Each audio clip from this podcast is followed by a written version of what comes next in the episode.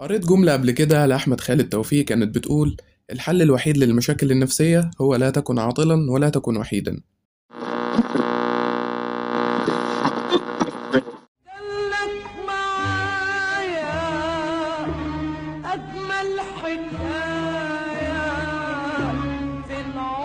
بقولك إيه حضر قهوتك وتعالى عندي ليك موضوع مهم. أكبر مسببات الاكتئاب عموما بتكون هي إن الواحد سايب نفسه لفراغه ومش بيعمل أي حاجة في يومه مش بيعمل أي حاجة تماما. حتى لو بيعمل حاجة فهو بيكون بيعملها بفرض الروتين اللي فرضته عليه الأيام. آه مثلا كبنات هنضف هظبط الدنيا هقعد أسكرول على الموبايل. كولاد مثلا هخلص الشغل اللي عليا هنزل القهوة خلق روتين لنفسه. والفكرة هنا يا صديقي في الروتين اللي إحنا بنخلقه لنفسنا. أنت ممكن تعمل حاجات كتير جدا. ممكن تنزل أعمال تطوعية. لو انت في جامعة ممكن الفترة اللي انت فيها في الجامعة دي تنزل في الأنشطة الخاصة بالجامعة تنزل في أي حاجة.